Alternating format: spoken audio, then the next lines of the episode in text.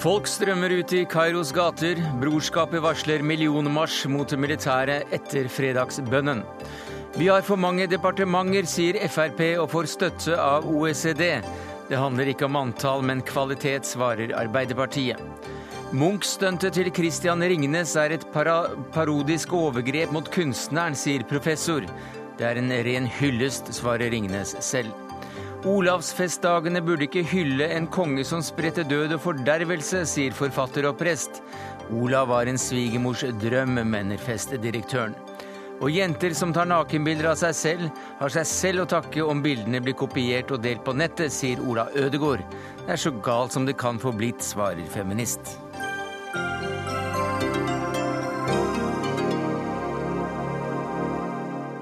Ja, Det er noen av sakene i Dagsnytt 18 denne fredagen, der vi også burde kastet klærne når vi roper hipp hurra for naturistene og foreningens 50-årsjubileum.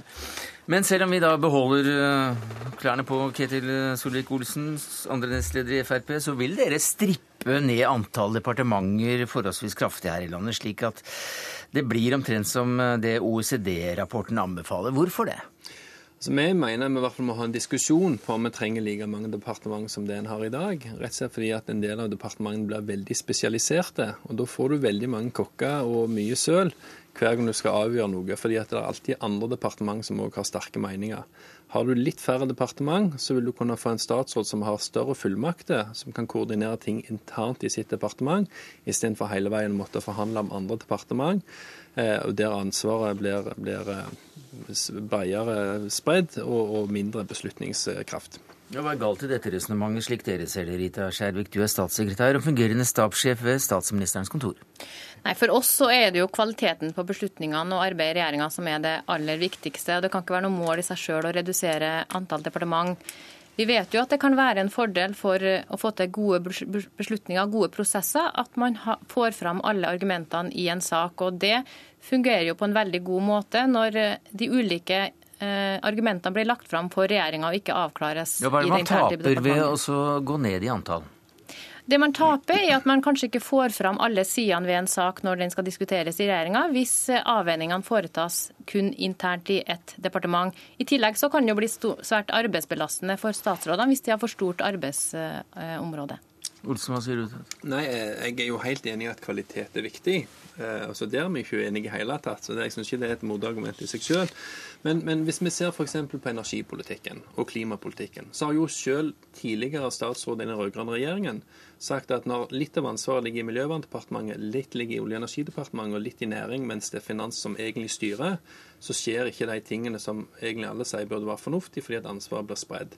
Der sa jo Åslaug Haga når hun var energiminister at hun ville jo at energi og klima skulle ligge i samme departement. For da hadde du både kontroll på de som slipper ut, og det er ansvar for å kutte utslipp. På samme måte når du snakker matproduksjon i Norge, så har du landbruk, du har fisk, og så har du næringsmiddelindustrien. Men de er spredt på tre ulike departement.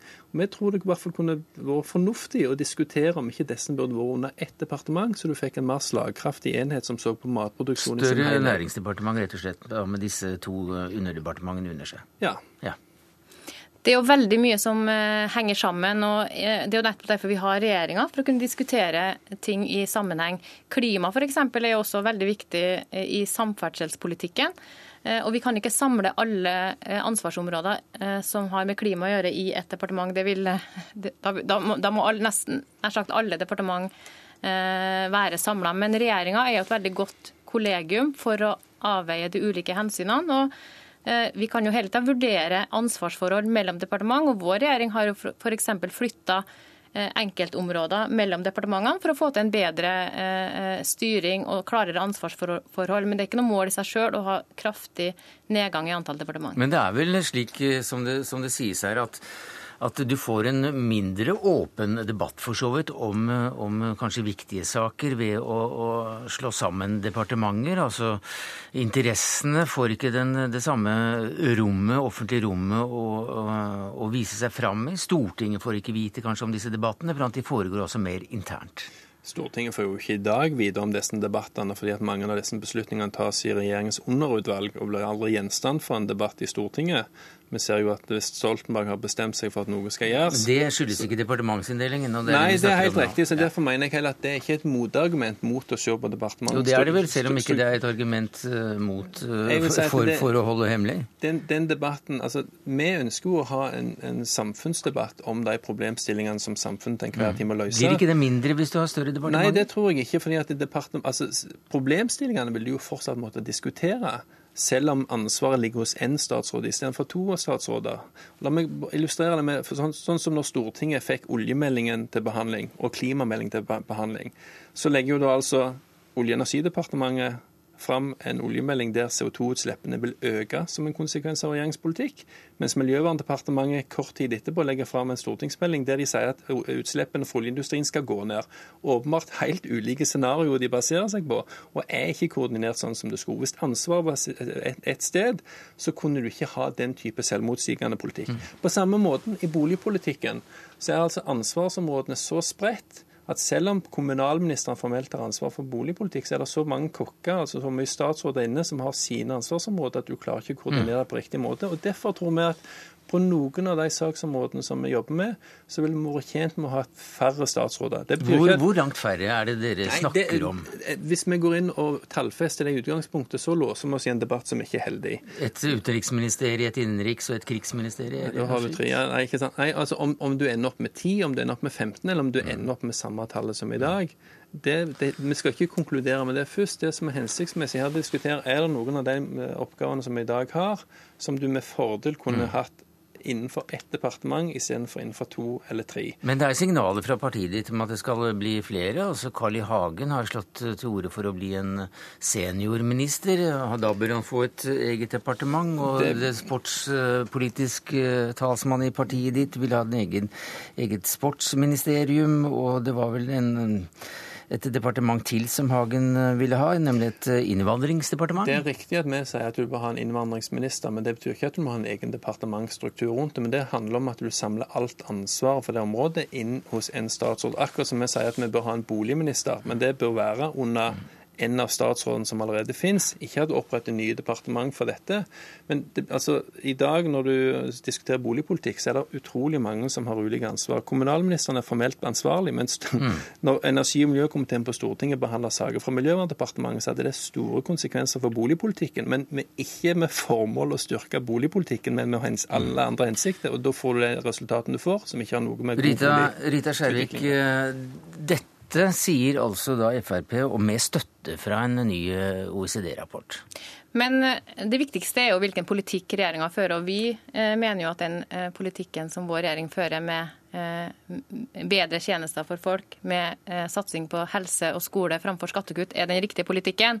Men det høres jo litt ut som om Fremskrittspartiet vil ha færre departement, men flere statsråder. Jeg vet ikke om det egentlig er veien å gå.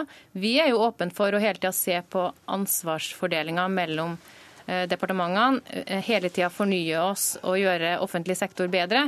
Eh, men, men vi, vi, kan ikke sette som mål å ha færre departement bare for å ha færre departement. Nei, det skal ikke være et mål i seg selv, men det skal være et mål at du får mer slagkraftige departement. Og som jeg nettopp sa, det at du samler ansvaret for sport hos en statsråd, betyr ikke at du har en sportsminister som bare driver med sport, men det handler om at f.eks. boligpolitikken samles mye tydeligere hos kommunalministeren. At klimaansvaret gjerne òg samles i Olje- og energidepartementet, for det er der de største utslippene er. Så betyr ikke det at alt annet som er med klima, ikke er relevant, men det handler om å samle ansvaret. Og Da kan du ha færre statsråder, men med tydeligere ansvarsfordeling seg imellom. Og Da må du òg gjerne gjøre noe med det departementsstrukturen. Og jeg synes, Vi òg vil jo ha en sterkere satsing på helse og eldre og alt dette. sånn at disse overskriftene om at å, vi skal jobbe for ditt og datt, det er vi alle enige om. Spørsmålet er du, hvilke virkemidler du velger. Og Nå har altså OECD sagt at Norge bør se på departementsstrukturen, for vi har for mange kokker, det blir for mye byråkrati, for mye ansvarsforskyving. Da syns jeg vi skal ta den debatten der, istedenfor bare å si Det er den vi har tatt nå, Ketil Solvik-Olsen. Takk for det, at du kom hit som andre nestleder i Frp. Takk til deg, Rita Skjervik, statssekretær fungerende stabssjef ved statsministerens kontor.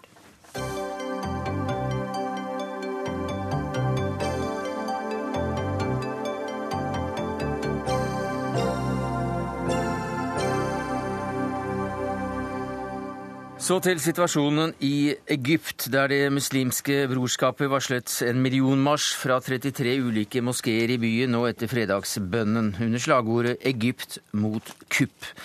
Med alt det da det innebærer av opptøyer, vold og ytterligere økning av konfliktnivået i landet. Og du har kalt dette for den, den store styrkeprøven, Midtøsten-kjenner og direktør ved Norsk senter for menneskerettigheter, Nils Butenschøn. Eh, hva er det som står på spill eh, for Egypt på slike dager?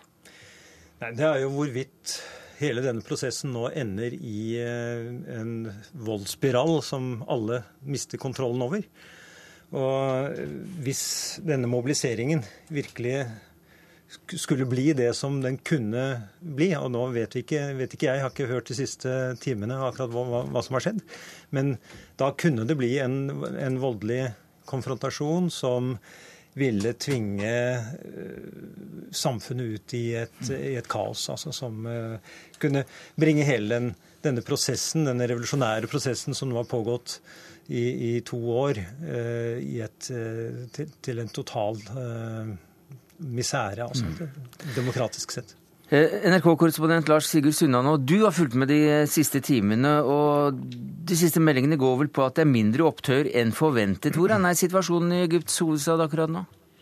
Nei, Det vi har sett er en ny massiv demonstrasjon, ikke bare fra Det muslimske brorskapet, men også fra titusener av andre egyptere, i protest mot hærens fjerning og arrestering av Mohammed Morsi og hans nærmeste medarbeidere. Det har ikke vært snakk om å rette seg etter kravet fra Egypts nye innenriksminister Mohammed Ibrahim om at de skal fjerne seg fra torget i Nasa City og plassen foran Kairo-universitetet i Giza. Det har vel aldri vært så tett med demonstranter der som nå i ettermiddag. Nei, hva, hva, betyr det at myndighetene har truet med å bruke alle tilgjengelige midler i kampen mot disse demonstrantene?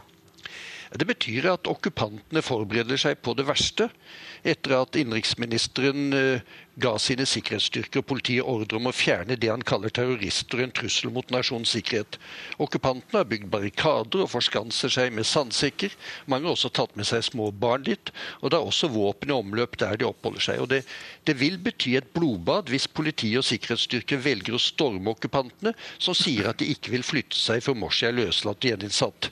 Men et alternativ som synes å bli vurdert i stedet, er å ringe inn og stenge av områdene der okkupantene og demonstrantene er, Ingen vil da etter hvert få slippe inn, bare ut. Etter hvert kan en slik aksjon fra politi- og sikkerhetsstyrken gjøre det vanskelig, for ikke å si umulig, for okkupantene å få inn det de trenger av mat og andre forsyninger for å opprettholde kampviljen. Og fremdeles strømmer folk til gatene i Kairos eh, by enn denne fredag kvelden? Ja, det er på og rundt torget i bydelen, altså sitter på plassen foran Karuniversitetet, at de fleste er. Men frykten er at når titusener av Morsi-tilhengere skal hjem igjen, at det da kan bli blodige sammenstøt igjen med politi og sikkerhetsstyrker og eller tilhengere av militærkuppet som fjernet Morsi.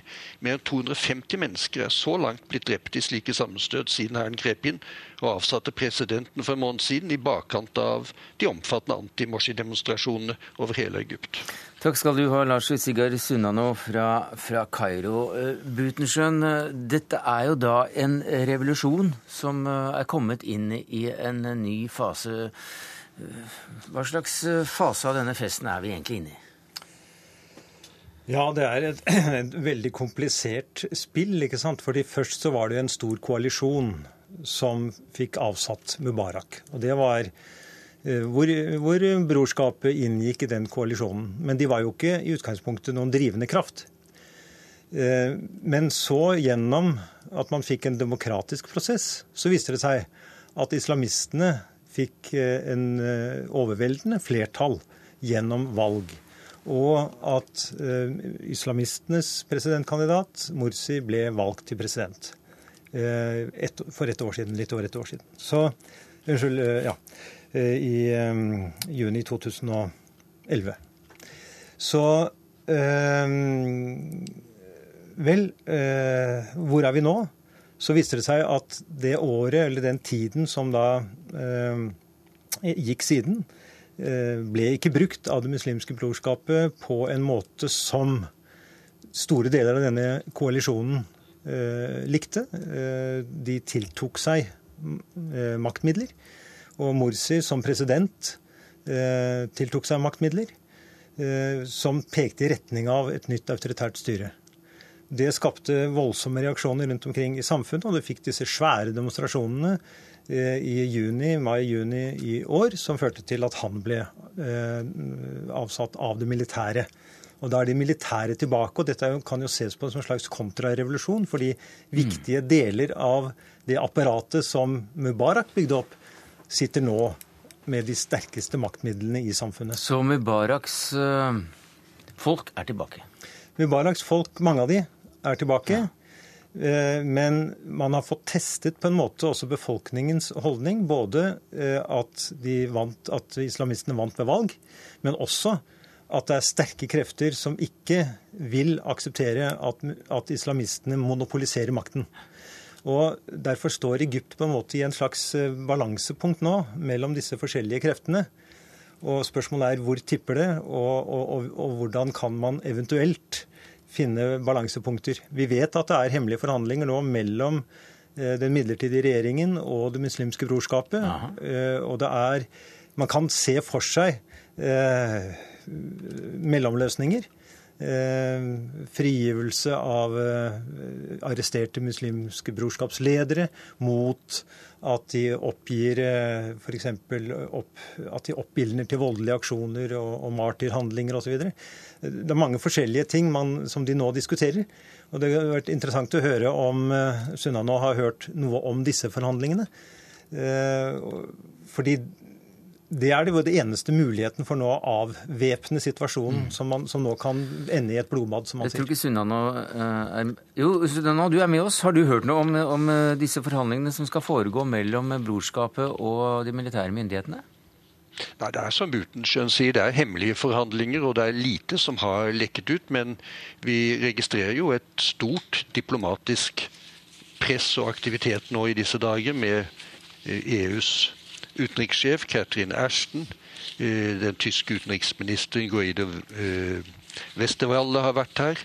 Og nå kommer også en eh, viseutenriksminister fra USA, Burns, sitt for å, ta del i overlegningene. Så det jobbes mm. intenst bak kulissene nå mens, for å finne en politisk løsning. Og mens vi snakker, så kommer det også meldinger om at eh, politiet nå bruker tåregass mot demonstrantene. Så, så dem så er de i gang igjen. Men, men apropos EU og, og USA her. altså hva slags hva slags holdning har det internasjonale samfunnet nå til det som skjer? For USA vegrer seg veldig for oss å kalle dette et kupp. Mm, ja. Det som skjedde 3.7 med avsettingen av presidenten. Ja, det gjør USA bl.a. fordi hvis de hadde gjort det, så måtte de ha innstilt sin eh, hjelp til, den, eh, til regimet og innstilt sin hjelp til den egyptiske hæren på 3,1 eller hva det er for noe, milliarder dollar i året.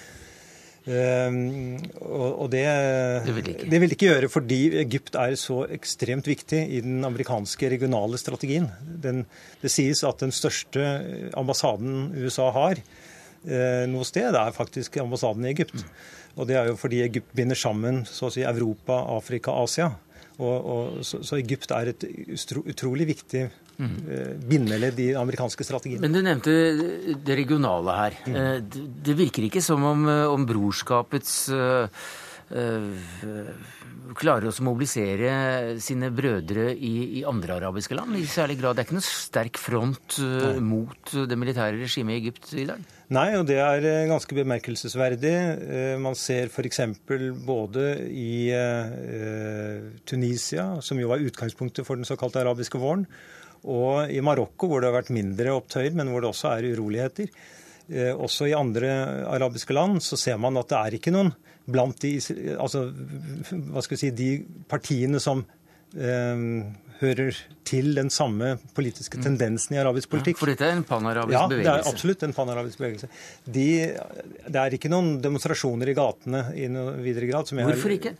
Nei, eh, det er et godt spørsmål. Vi ser også at eh, Saudi-Arabia og Qatar, som jo er eh, islamistiske, altså pro-islamistiske og islamistiske stater og regimer, de har jo støttet dette kuppet. Ja. Og, og, og, sender jo økonomiske og andre forsyninger til, til de nye makthaverne i Egypt. Så, så, det er i og for seg bemerkelsesverdig. Det har nok noe å gjøre med en, en, en, mulig forklaring er rett og slett at, at, Morsi hadde tilnærminger til Iran, som jo mm. er Saudi-Arabias eh, hovedmotstander regionalt. Eh, en annen ting er at disse regimene ønsker stabilitet. Og de så vel kanskje at uh, Morsis vei ikke førte til stabilitet. Det er trukket opp en mengde mulige scenarioer for, for, utviklingen i, i, dette landet. Og det som skjer nå, og den dynamikken vi er inne i nå, så er det ganske vanskelig å si hva som kommer til å skje. Men hva er det heteste tipset? Altså Det heteste tipset det, jeg, jeg, har ikke så mange tips.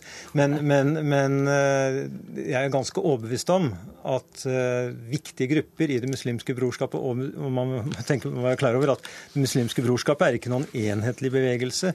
Og du har jo andre islamistiske grupper i Egypt, uh, salafister osv., mm. som i utgangspunktet støttet kuppet for øvrig. Så, så, her er det en, en, en skog av, av, av bevegelser. Og noen av de vil helt sikkert, tror jeg nå, altså, eller det, mitt tips vil være at noen av de vil gå tilbake til en mer militant eh, strategi, slik de hadde for inntil ti år mm. siden. Med økt legitimitet og økt styrke? Ja, med økt ja. legitimitet og økt styrke. Og det vil skape selvfølgelig en ustabilitet mm. i det egyptiske samfunnet. Takk skal du ha, Nils Butenschøn, fredsforsker og direktør ved Norsk senter for menneskerettigheter. Og til deg i Kairo, NRK-medarbeider Lars Sigurd Sunna nå.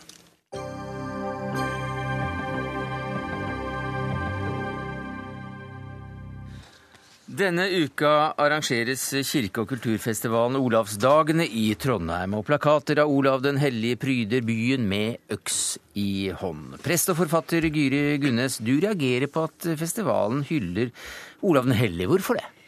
Jeg tenker at Det er ikke mulig å skille den eh, krigerske Olav og martyr-Olav. Jeg tenker at Det er uttrykk for en selektiv historieskrivning, et slags dobbelt bokholderi. Og Det er et uttrykk for at man ikke er villig til å ta inn over seg og ta et oppgjør med hvor ofte kristendommen historisk sett har vært sammenkoblet med vold.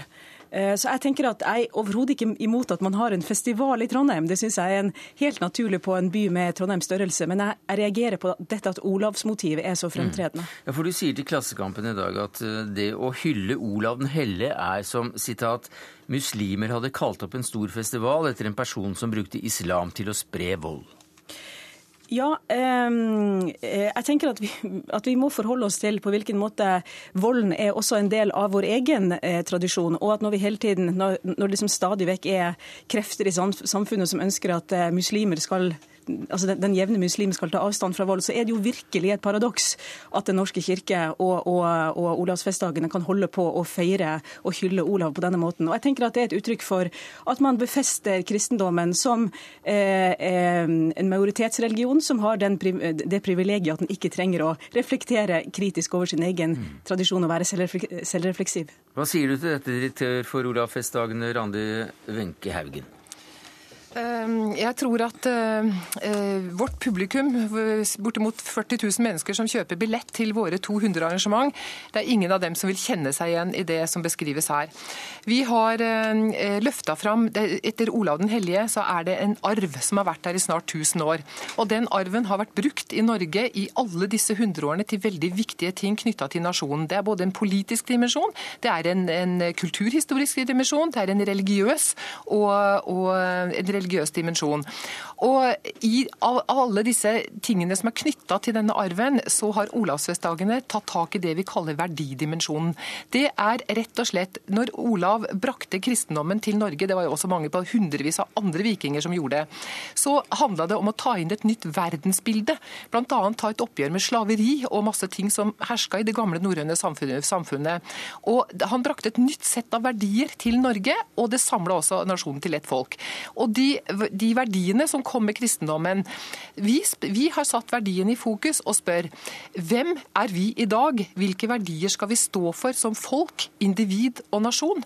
Hvilke verdier i denne kristenhumanistiske arven er viktige for oss i dag? Hva er det vi ikke vil miste, og hva er det vi vil slåss for? Og da, Det sukrer vel pillen litt? Rann, eh, jeg tenker at Det hun gir uttrykk for her, er en form for forskjønning av historien og en forskjønning av kristendommen, som jeg tenker at, at er dypt problematisk. Altså Hvis man leser Gro Steinslands eh, bok, som er, hun er professor i religionshistorie ved Universitetet i Oslo, så ser man at dette her er en sannhet med sterke modifikasjoner. Eh, og det å snakke om på en måte verdier knytta til Olav, Olav, som noe entydig positivt, det, det er jo høyst problematisk. Altså, man, man, glemmer at det var på en måte volden altså det var, det var volden han sto for. Og for så vet vi at kvinners stilling ble betraktelig svekket med, med, med kristendommens innføring. Da må jeg få lov til å... Så, så... vi må få slippe til Haugen her. Da, da, må jeg få lov til å si at den, eh, I før, det førkristne samfunnet så var det den frie kvinnen som hadde makt og nøkler. De, de Slavekvinnene de var slave som født og til de døde. Og Det var jo kjempestor forskjell. Eh, det som kom med kristendommen, var jo at alle mennesker hadde like stor verdi for, eh, for Gud. Og jeg skal ikke bestride altså at, at volden har vært knytta til kristendommen. Ja, mer enn alle syns det er moro. Men det som vi snakker om, det er jo at hva er det vi trenger å, å, å kommunisere til mennesker i dag? Hva er det som er relevans for oss i dag. Vi har denne historien vi har i Norge. Og den Nidarosdomen står der, og den har stått der i snart 1000 år. Jo, Men allikevel så sier du jo du tidligere i dag at, eh, at Olav det, han var en slags svigermors drøm på den tiden. Ja, og vet du hvorfor? Nei. Fordi Olav han var tolv år gammel da han ble sendt ut i Viking. Han, han var et barn av, av sin tid. Og, og, ut i Viking, han fikk sverdet. Da han var 19-10 år, så da, Hva gjorde han der i Viking? Ja, selvfølgelig. Drap, voldtekt, ran. Alt som hørte Svigermors til. drøm. Det, ja, og i sin tid så var han en høyt ansett person fordi han gjorde det som dette samfunnet mente at var verdifull atferd. Men Olav han møtte jo et annet verdensbilde ute i Europa og begynte å tvile på det han kom fra. Og det som er viktig med den personen, er at han tok et oppgjør med det med at han valgte en ny tro som han tok med seg tilbake til Norge. Det hindret ikke at det fortsatte med vold, ja. Jeg, jeg tenker at den, at den forfallsmyten som, eh, som, Haugen her formidler, den, den, er jo velkjent, og som også Gro Steinsland tar tak i.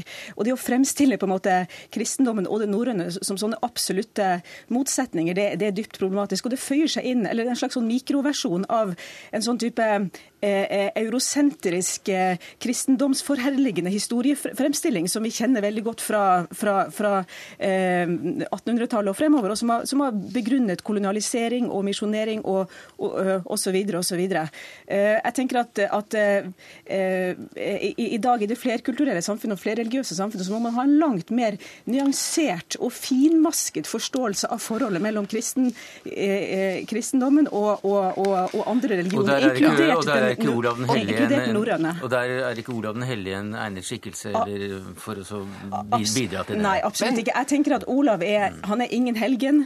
Olav er Jeg tenker at han er et blindspor. Altså Det å holde fast på Olav er for meg å gå baklengs inn i fremtiden. Men da har jeg behov for å få si Nå bare de siste to dagene så har vi hatt doktor Mukwege fra Kongo. Så vidt jeg vet, så var han i Dagsnytt 18 i går. Det er Olavsfestdagene som har invitert ham til Norge. Han har redda 40 000 kvinner fra krigsvoldtektshelvete i Kongo. Han er en mann som står for noen verdier. Og han var på besøk her, og vi holdt et stort seminar. Anita Pratab, internasjonalt prisbelønnet høyt journalist som jobba i Afghanistan, India, eh, i Sri, Sri Lanka. Mm. Hun var den første som intervjua tamiltigrenes leder.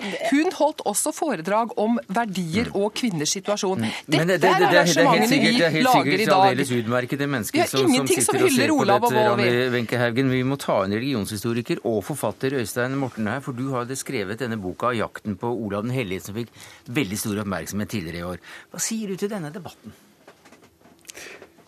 Nei, det er vel en litt sånn årlig foreteelse liksom når man feirer Olav, da, at man, man får en, den type debatt. Jeg har ikke hørt den før. Eh, nei, nei, eh, nei, men altså at noen, noen reagerer da mot feiringen av Olav, og også sier at han ikke er en helgen osv. Jeg syns vel Eh, på en måte så har begge parter rett, eh, men de vet ikke om at eh, den ene parten vet ikke at den andre har rett, osv. For det, det, stemmer ikke som, som Gunnes sier, at Olav ikke var noen helgen. Men han var den type helgen som gjerne i avbildninger står på en, på en drage, som har hans egens ansikt.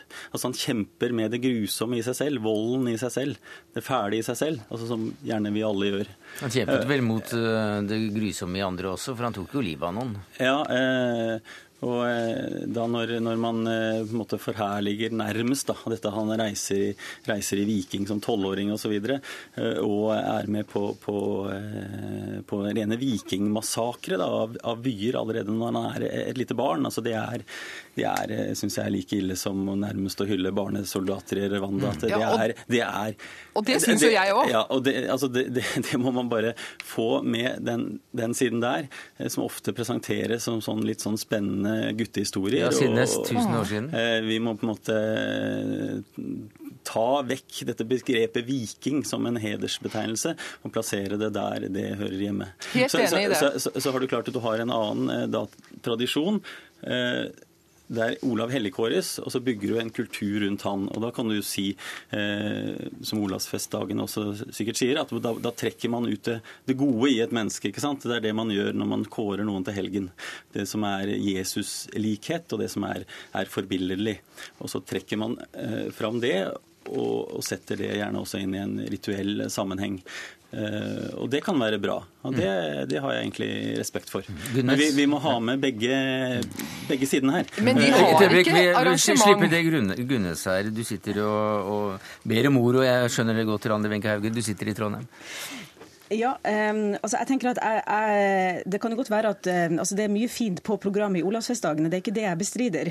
Uh, men, men, jeg, men, men, jeg, synes det er merkelig og jeg synes det er problematisk, særlig når man er opptatt av verdier, da, at man kan uh, tro at man kan skille mellom den krigerske Olav og martyr-Olav. Og jeg tenker at Det er støtende, direkte støtende å gå rundt i Trondheim i dag og se denne, de, dette, denne logoen med både øksen og, og og korset side om side. Jeg tenker at Det er støtende eh, i forhold til den historien som har vært, og det er støtende på alle mennesker som opplever religiøst begrunnet vold i dag. Haugen, Haugen, må nesten slippe til. Ja, Øystein Morten han var jo her og hadde det første foredraget på festivalen vår. og Jeg er sikker på at han kan både forklare og beskrive en god del ting om den øksa og hva dette er det gamle riksvåpenet til Norge som snart er 1000 år gammelt.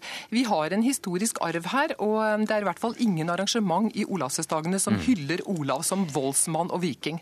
Tvert imot. Men, men, må nesten, men vi må nesten avrunde her etter hvert. Si ja, Det må være veldig kort, da. Ja, altså vi kan, jeg tenker at vi har et selvstendig ansvar for hvilke historier det er fra fortiden vi bringer videre og reproduserer.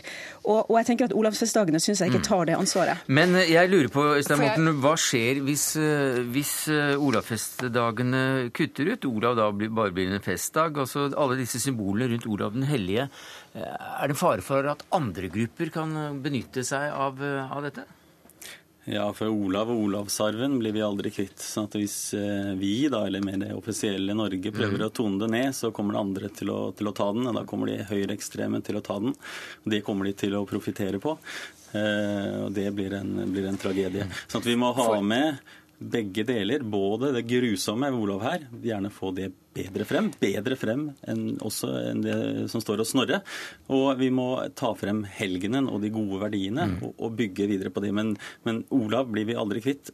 Kan Takk skal du ha, Øystein Morten, religionshistoriker og forfatter av boka 'Jakten på Olav den hellige'. Takk til deg i Trondheim, Randi Wenche Haugen, direktør for Olavsfestdagene, og til deg, Gyri Gunne, som dro opp denne debatten dette året, prest og forfatter.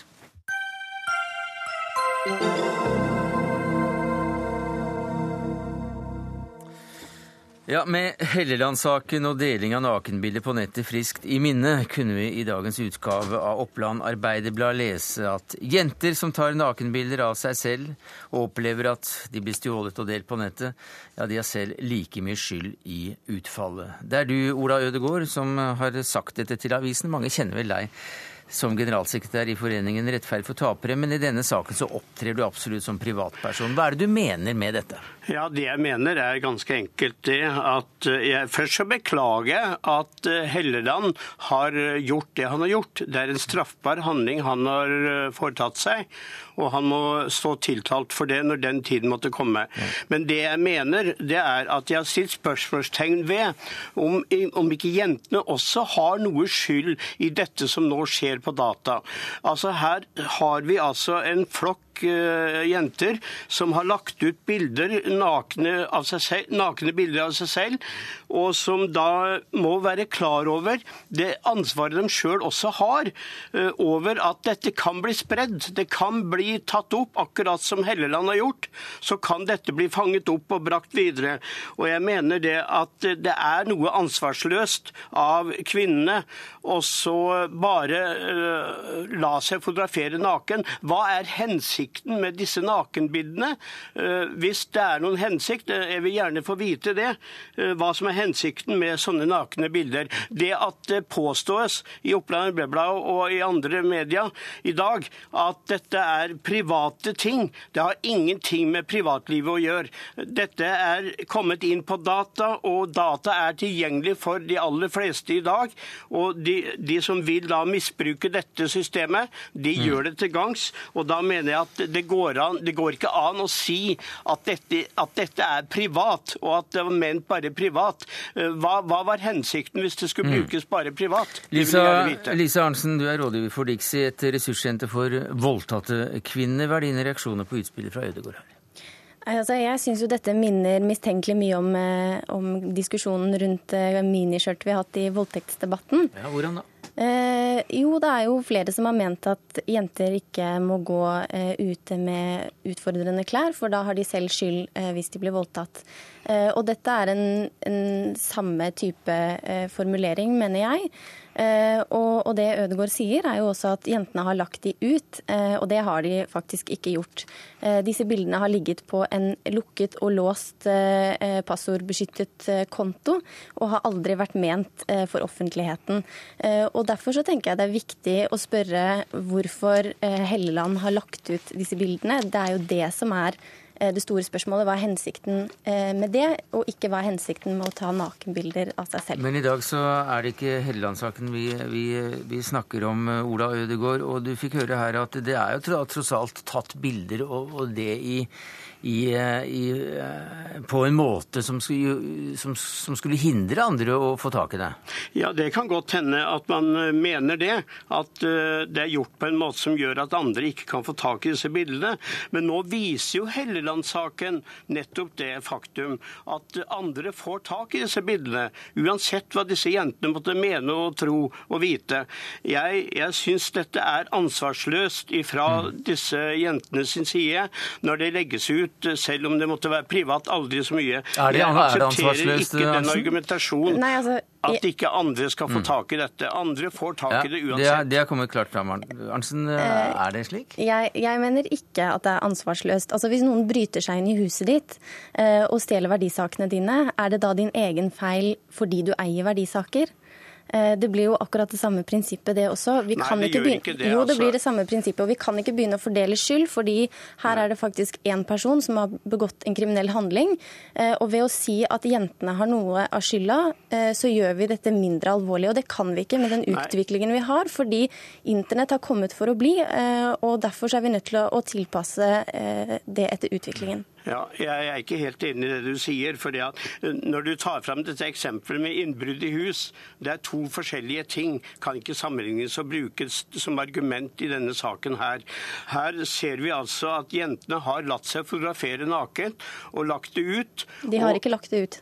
Jo, de har lagt det ut. I og med det at Helleland har fått tak i dette, så er det lagt ut. Og det er, det er, grunn til å regne med at det er mange Helleland omkring i vårt land i dag som tar ut sånne bilder fra de forskjellige uh, situasjoner på internett. Mm. Og jeg syns at uh, jentene skulle vise et mye større og eget ansvar og, og, være klar over hva dette kan føre til hvis man gjør det på den måten som her er gjort. Jeg tar sterk avstand fra Helleland mm. og det han har gjort. Jeg er enig med deg at det er en straffbar handling, og det, det må få følger med tid og stunder.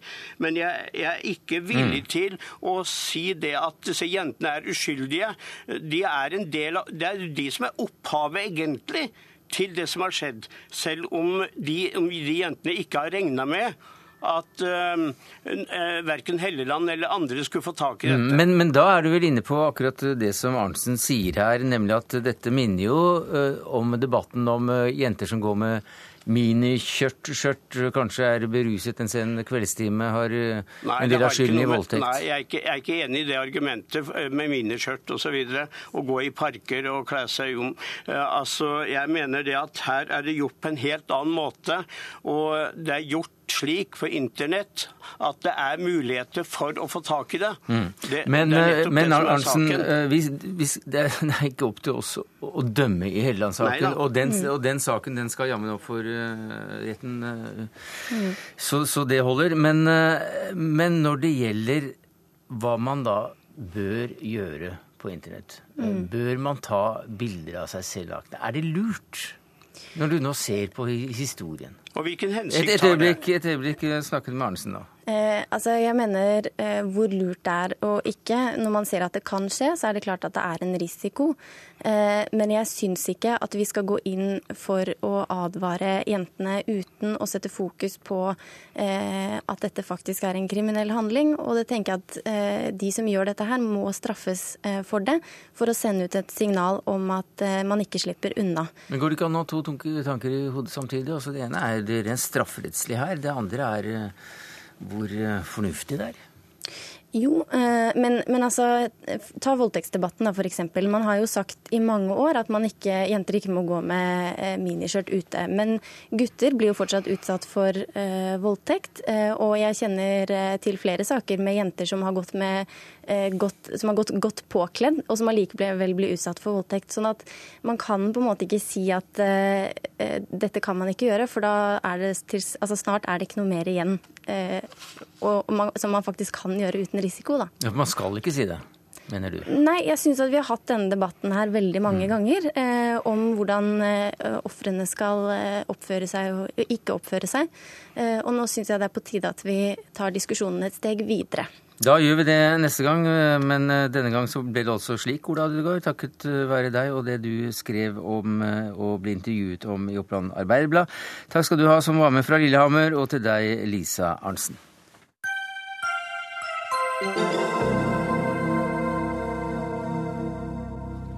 I slutten av september åpner den omstridte Skulpturparken på Ekeberg i Oslo. Men primus motor og initiativtaker Christian Ringnes klarer nok eh, nok en gang å vekke en heftig debatt før parken i det hele tatt har åpnet. Denne gangen fordi han har invitert en verdensberømt serbisk-amerikansk performancekunstner til å utforme et massebrøl av et skrikstunt med innsats fra 300 av byens borgere. Og disse skal finne eh, da skrik i seg selv mens de blir filmet oppe i åsen over byen om et par uker, der maleriet skal kanskje ha, ha blitt til. Og dette synes ikke du noe om, Dagne, Dagne, Groven Myhren. Du er professor emeritus i litteratur, og du bor selv i, i området. For i dagens Aftenposten så skriver du at dette kunstprosjektet er et parodisk overgrep mot Munch. Hvordan kan du si det? Ja, med det mener jo jeg bare at uh, man bruker en verdensberømt kunstner for å promotere sitt eget prosjekt. Altså, det handler egentlig ikke om Munch, men det handler om promotering av en skulpturpark og en restaurant og et såkalt Munch-punkt. Og folk blir da lokket til å være med på dette. at avisen forteller dem i hvert fall at nå kan ditt skrik bli verdensberømt. Jaha, var det det som var meningen? Jeg syns jo da man flytter hele vekten bort fra det som var Munchs eh, anliggende. Altså, jeg eh, Dette på en måte knytte han til et bestemt punkt i Ekebergåsen f.eks. ble å opprette et såkalt Munch-punkt, som er i og for seg veldig tvilsomt, og til en utsikt som er noe helt utvendig, det som Munch har forsøkt å gjøre, og antagelig med dype opplevelser eh, og et kunstnerisk tildriv som sprang ut av en smerte. Det er å skape et sjelelig uttrykk for en panikk som ingen av oss ville ønske å oppleve. Han har jo skrevet litt om det også, men hvis vi ser på dette bildet, så ser vi at eh, det ikke bare fremstiller et, et eh, fortvilet menneskes angst, og, men da også eh, hele naturen rundt deltar i dette her på en spesiell måte. Men hva altså, ødelegges med den opplevelsen da, av at eh, folk får lov å skrike litt, og at det blir litt ja, men det eh, blir, altså vi, Sånn som det er lansert i avisen, så er det liksom et uh, kommersielt Mm. egoistisk prosjekt. Kristian Ringnes, du er investor og initiativtaker til denne skulpturparken på Ekeberg. og Hva sier du til kritikken av måten du bruker Munch på? Nei, altså jeg tror jo mm, kunstneren her, Marina Bromovic, som jo er i verdensklassen Jeg tror eh, ikke hennes uh, hensikt er på noen måte å være kommersiell. Jeg tror at hun uh, oppriktig har fattet Munchs grunnidé med den eksistensielle angsten. Og jeg tror at eh, noen og enhver av oss eh, kan føle litt på eksistensiell angst eh, innimellom, og at det er et spennende prosjekt for folk flest å få tre litt mer inn i den siden av seg selv. Og det er det Abramovic ønsker å oppnå. Eh, og hvordan dette skal kunne ses på som et kommersielt eh, prosjekt. Eh, hele Skulpturparken er jo et gratis foretagende som er fritt tilgjengelig for alle. Så her er det bare kostnader og ingen inntekter, og det blir ikke så kommersielt da. Altså Dette kan man jo diskutere i aller høyeste grad. Altså Hvorfor skal dette Munch-punktet inn i Skulpturparken? Vi har allerede markert et Munch-punkt et annet sted, hvor alle turistbussene stopper. Det du snakker om er altså en betongplatting, eller en platting der eh, en god del titalls mennesker kan stå samtidig og se omtrent Ja, det, det samme som eh, bildet viser av landskap. Altså Det landskapet som vi kan skimte i, i Munchs bilde, det er jo da på en måte et eh, sjelelig landskap, som jeg sa, og det har, man kan gjenkjenne visse trekk ved det. Men, men du hører jo her at kommersielt er det jo ikke, Nei, det, er en det eh, påstår Christian Ringnes, at det ikke er kommersielt. Men altså, det oser jo hele veien kommersialitet ut av dette her. Altså, Fokus flyttes mot eh, det, altså, La meg si det på en annen måte, da. Eh, Ringnes forteller i, til Aftenposten, sånn som det er gjengitt i hvert fall, at han har måttet overtale denne kunstneren til å være med på prosjektet. Det er altså ikke sprunget ut av et tildriv hos henne, men av Christian Ringnes personlig. Ringnes, hva sier du til dette?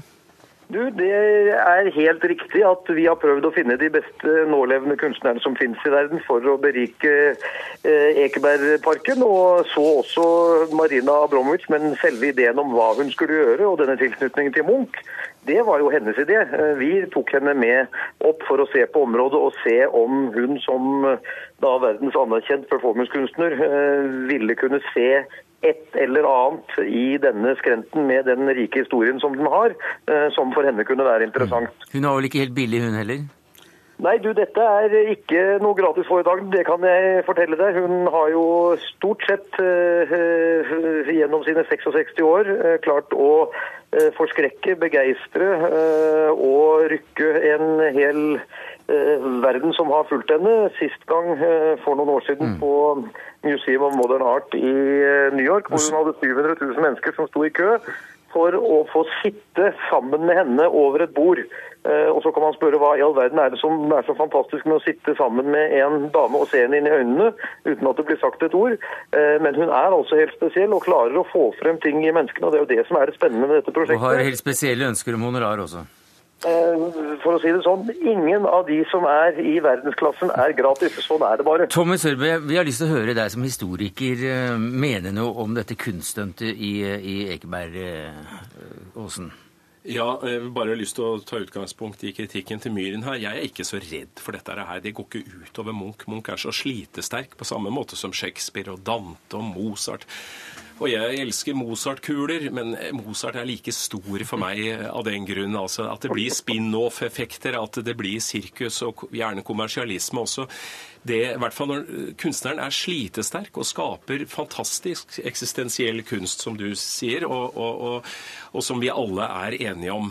Eh, Men når det er sagt, så vil jeg jo si at det rent faglig, kunstfaglig, så er det jo litt tullete når eh, denne performancekunstneren sier at eh, det er det Munch har sett når han har malt bildet. Bildet er muligens malt på et hotellrom i Berlin. Det er i hvert fall ikke sånn at han har sittet med staffeliet sitt, også en fin spiss morårspensel og puslet frem og fått det til å ligne. Det er jo ikke på den måten denne kunstneren arbeider. Så rent kunstfaglig så, så har ikke dette noe med virkeligheten å gjøre. Men eh, som en sånn happening, som en opplevelse Men så må jeg jo også si en annen ting. Den store skandalen her, det er jo at denne kunstneren, Abramovic, eh, er en stor kunstner. For det, det hun sier, og det hun representerer Nå har jeg gått i hvert fall det jeg kjenner av det, det tilsvarer en, omtrent en sånn Steinerskole-elevs kunnskap om vibrasjoner og om at det er viktig å være deltakende, og at vi alle sammen skal kjenne på energier i oss selv. Det er, eh, så jeg, dette blir sirkus, og det kan sikkert være morsomt, men at det skaper noe erkjennelse eh, og, og innsikt i Munchs kunst, det tror jeg ikke. Men eh, Dagne Groven Myhren, vi hører her at kunsthistorikerne også ikke er særlig redd for at det er litt kommersielt show rundt dette her. Nei, men det er ikke det som er poenget. Her er flyttes det et fokus fra et eh, virkelig seriøst og veldig eh, Hva skal jeg si noe et kunstverk som gjør veldig dypt inntrykk på folk.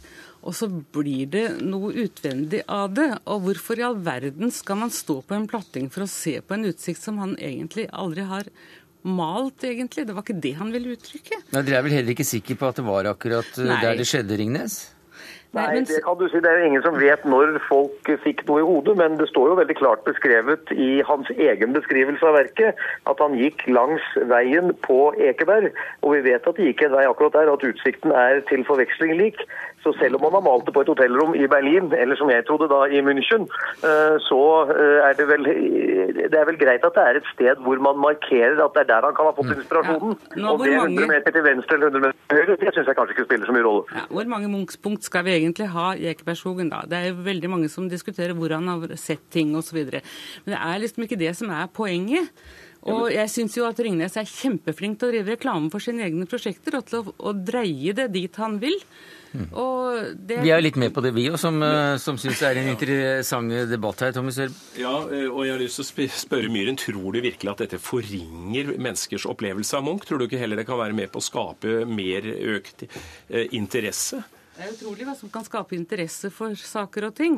Men jeg syns at eh, Personlig så må jeg bare si at eh, kunst er sånn som jeg opplever det. Jeg er en kunstners datter, og jeg vet at det er et veldig alvorlig eh, sak å uttrykke noe så universelt som det mm, Munch har uttrykt gjennom 'Skrik'. Og at det blir liksom forferdelig uh, rart at man liksom skal løpe rundt og finne skriket i seg Mm. selv. Altså, dette er så, Det høres ut som terapi. Men du, det, Jeg har et askebeger hjemme med, basert på Jesu korsfestelse som er kjøpt i en sånn suvenirsjappe i, i Vatikanstaten. Og det, det, Religionen er like sterk og eksistensiell av den grunn. Men du, denne interessen og alle disse spin-off-produktene, det, det, er, det er da sagt av en uh, anerkjent kunstner som Leonard Richard at uh, minner om, om Justin Justin Bieber-fenomenet. Altså du har eh, T-skjorter og badehåndklær, til og med dopapir. Og vi leste her i dag at det var en dildo produsert eh, med skrikmotiv for at det skal gå med et skrik. Og kan ikke det ta bort litt grann fokus fra det som var viktig? Jo, men det er også problemet med Skrik, for Skrik er ikke Munchs beste bilde. Eh, skrik er en folkesjukdom. Angst i dag er en folkesjukdom. Det selges jo for milliarder i, i, i produkter som skal hjelpe for angst. Så, så, og Det er så entydig, og det er derfor det er blitt så populært, det bildet. Han har langt andre bedre bilder, men jeg syns ikke dette ødelegger. Dagne Groven Myhren, takk skal du. Jeg forstår det slik at du som professor emeritus og kunstner selv eh, ikke kommer til å delta i akkurat dette Skrik-performancen? Nei, det kan du være Ringnes, så får vi høre ditt skrik. Ja, det håper jeg, men jeg er jo ikke sikkert det blir funnet verdig. Ja, jeg, jeg kunne vært lyst til å være med på det. Jeg har alltid hatt et sånt uforløst primalskrik inni meg, så det burde sikkert komme ut på en måte. Takk skal dere ha.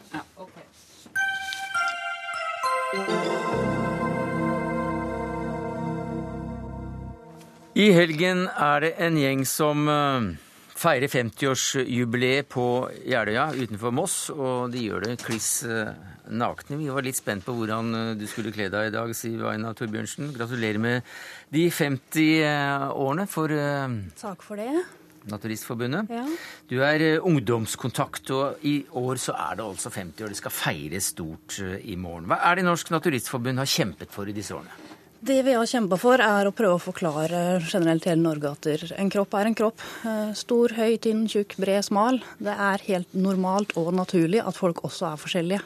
Også når vi er nakne, selvfølgelig. For dere er mest mulig nakne. Mest mulig nakne. Ja.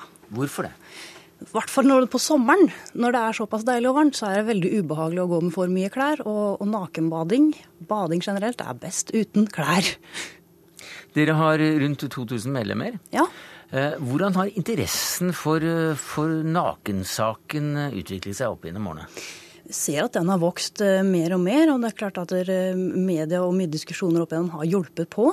Eh, Men altså, når vi sier 2000 medlemmer, så er det mye mørketall rundt om. For det er mange som ikke vet at vi er en organisasjon for naturisme. Så det er mange som går i fjellheimen på, på egen hånd eller eh, soler seg naken på hytta si, som ikke er medlemmer. Så jeg håper det er veldig store mørketall der ute, og Ja. de melder seg inn nå. Men, men medlemmer er det også ca. 2000 av. Ca. 2000 nå, ja. Og det er jo litt rart, for vi merker jo at, eh, at folk bader mindre nakne. Altså Kvinner kaster ikke eh, verken bh eller, eller bikini overdel. Uh, unger har på seg mye mer klær enn eh, de hadde før, så det er jo ikke så mye nakenhet nå som det var for 10-20-30 år siden? Nei, det går litt i generasjonsskifter der også. Så det, det går ca. en 20 års intervall, og så kommer det veldig blusser opp igjen for naturisme. turisme. Mm. Og, og, nå så er vi en god oppoverstigende kurve igjen. og det er klart Vi fortsetter jo der og håper å holde den oppadgående hele veien nå. ikke sant? Men hvem er da den typiske uh, naturist? Altså når det gjelder kjønn, inntekt, alder uh, ja, Utdannelse, som... seksuelle preferanser, religiøse preferanser? Det er alle. Alle mulig. Jo, jo, jo. jo. Advokater, politikere, feiere. Altså, alle mulige sjanger og arbeidsgrupper er representert. Og det er det som er da spennende. Fordi at du møter nye mennesker, men du møter dem helt nakne. Ja. Så en du kanskje ikke hadde tenkt at du passa sammen med eller kunne snakke med i det hele tatt, den blir jo en kjempegod venn. Fordi at dere finner noe annet å snakke om enn en holdninger, fakter, jobb eller ja, men eh, dere er jo nakne, da, og nakenhet forbindes jo ofte med sex? Klart det gjør det. det altså, er det mye sex? Har jo også sex, selvfølgelig. Ja. Eh, men vi bare viser det ikke foran alle andre som Nei. normaligheten gjør. Eh, så det er klart at det, det er både Altså alle mulige grupper er representert. Og ser vi noen som da begynner med seksuelle hentydninger, så, så får de beskjed om at det her passer seg ikke her. Det er familie strand eller camping, mm. så, så, ta hensyn og heller finne en busk, på å si det sånn. Men jeg forstår det slik at, at, dere ikke vil kalles nudister? Nei, det er en liten, liten forskjell der sånn. Eh, en nudist er etter mitt syn da en som, eh, som syns det er helt greit å gå flett naken i butikken. Ah, ja. Eller sitte på bussen. Eh, det har jo ikke jeg helt sansen for. Da føler jeg også jeg meg beglodd. Skulle jeg gjort det? Ja. Hvordan begynte denne bevegelsen i moderne tid? Da må jo eh, tidlig 1900-tallet, eh, etter da viktorianske stilen at det skulle tildekkes overalt og ingen steder, så, så, fant jo både leger og psykologer ut at sol og lys det var jo bra for, eh, for helsa. Så ble det starta forskjellige solsportklubber rundt om i Europa. For det het det først? Ja, det het solsport. For det var viktig. Og Særlig tyskerne var langt fremme? Tyskerne var veldig langt fremme og, og dro selvfølgelig lasset for, eh, for mange. Eh, dessverre så stoppa det jo litt opp da, siden det kom noen kriger innimellom. Men eh, da på 50-åra så, så fikk det en frisk pris igjen og fikk mye organisasjon. Du, Klesbudsjettet kan man jo tenke seg at, at holdes litt, litt, nede blant dere. Men, men, men, hva da med å bruke penger på andre ting? Altså, nå skal det visstnok da ikke brukes så veldig mye penger på, på barbering og, og napping av, av, av, hår, for nå skal det være full busk. Men Brazilian wax, er det, er det slike ting man liksom eh, driver med for å så øh, pynte seg litt når man er naken? Jeg bruker heller forskjellige neglelakk og øredobber, jeg, da. Det. ja. det er på en måte eneste pynten jeg bruker sånn sett. Men selvfølgelig, det er eh, alle mulige typer mennesker er også naturister. Så noen velger å barbere seg, andre velger å la det gro til det nesten ikke ser noe som helst. Og det, folk er forskjellige, heldigvis. Folk er forskjellige, men eh, ved å kle av seg så blir de også på en måte litt mer like. Men det er forskjeller, da? Det er forskjeller, heldigvis. Ellers så hadde vi ikke hatt noen gode diskusjoner. Nei, så, Sånn at uh, Hvem er det da som velger å, å bli medlem? Er det, er det, folk som gjerne vil vise seg fram en, en, en, flott kropp, eller er det folk som mener at man bør ses som den man er, eller Altså Hvilke det, aldersgrupper er det? det er, eh, hovedvekta av aldersgruppa ligger på, på 40 pluss og oppover. Um, men da sitter jeg med inntrykk at det er dem som er på en måte mest trygg med seg sjæl, har godtatt at dette er kroppen min, sånn ser jeg ut. Og det ser vi også av barnefamilier som har vokst opp i naturistmiljø. Altså Ungene de forsvinner i, i 10-12-årsalderen. Så, så, kommer de gjerne tilbake igjen da i, i 20-25-årsalderen. Så puberteten, og, og, før de har fått barn selv, så, så er det ikke den mest naturlige delen av, av miljøet deres? Nei, da kan det føles litt eh, rart når kroppen vokser og ikke har kontroll, så da er de gjerne hjemme. Hvordan skal dere feire i morgen? med å i morgen så blir det en boklansering eh, av nye boka vår 'Naken', naturligvis. Og da har vi en kort oppsummering. Det er da historien vår gjennom 50 år. Vi har prøvd å samle til én bok. Det har tatt litt tid. Eh, det blir lek og moro for eh, ungene, og så blir det selvfølgelig en bedre festmiddag da. Og kleskoden? Kleskoden er helt valgfritt. Eh, selv så kommer jeg nok antageligvis til å stille kjole da det begynner å bli kveld og litt kjølig. Takk skal du ha, Siv Aina Torbjørnsen, ungdomskontakt i Norsk Naturistforbund. Det var det vi rakk i Dagsnytt 18 i dag, takket være ansvarlig for det hele, Gry Elisabeth Weibe. Det tekniske ansvaret hadde Karl Johan Rimstad. Jeg heter Sverre Tom Radøy.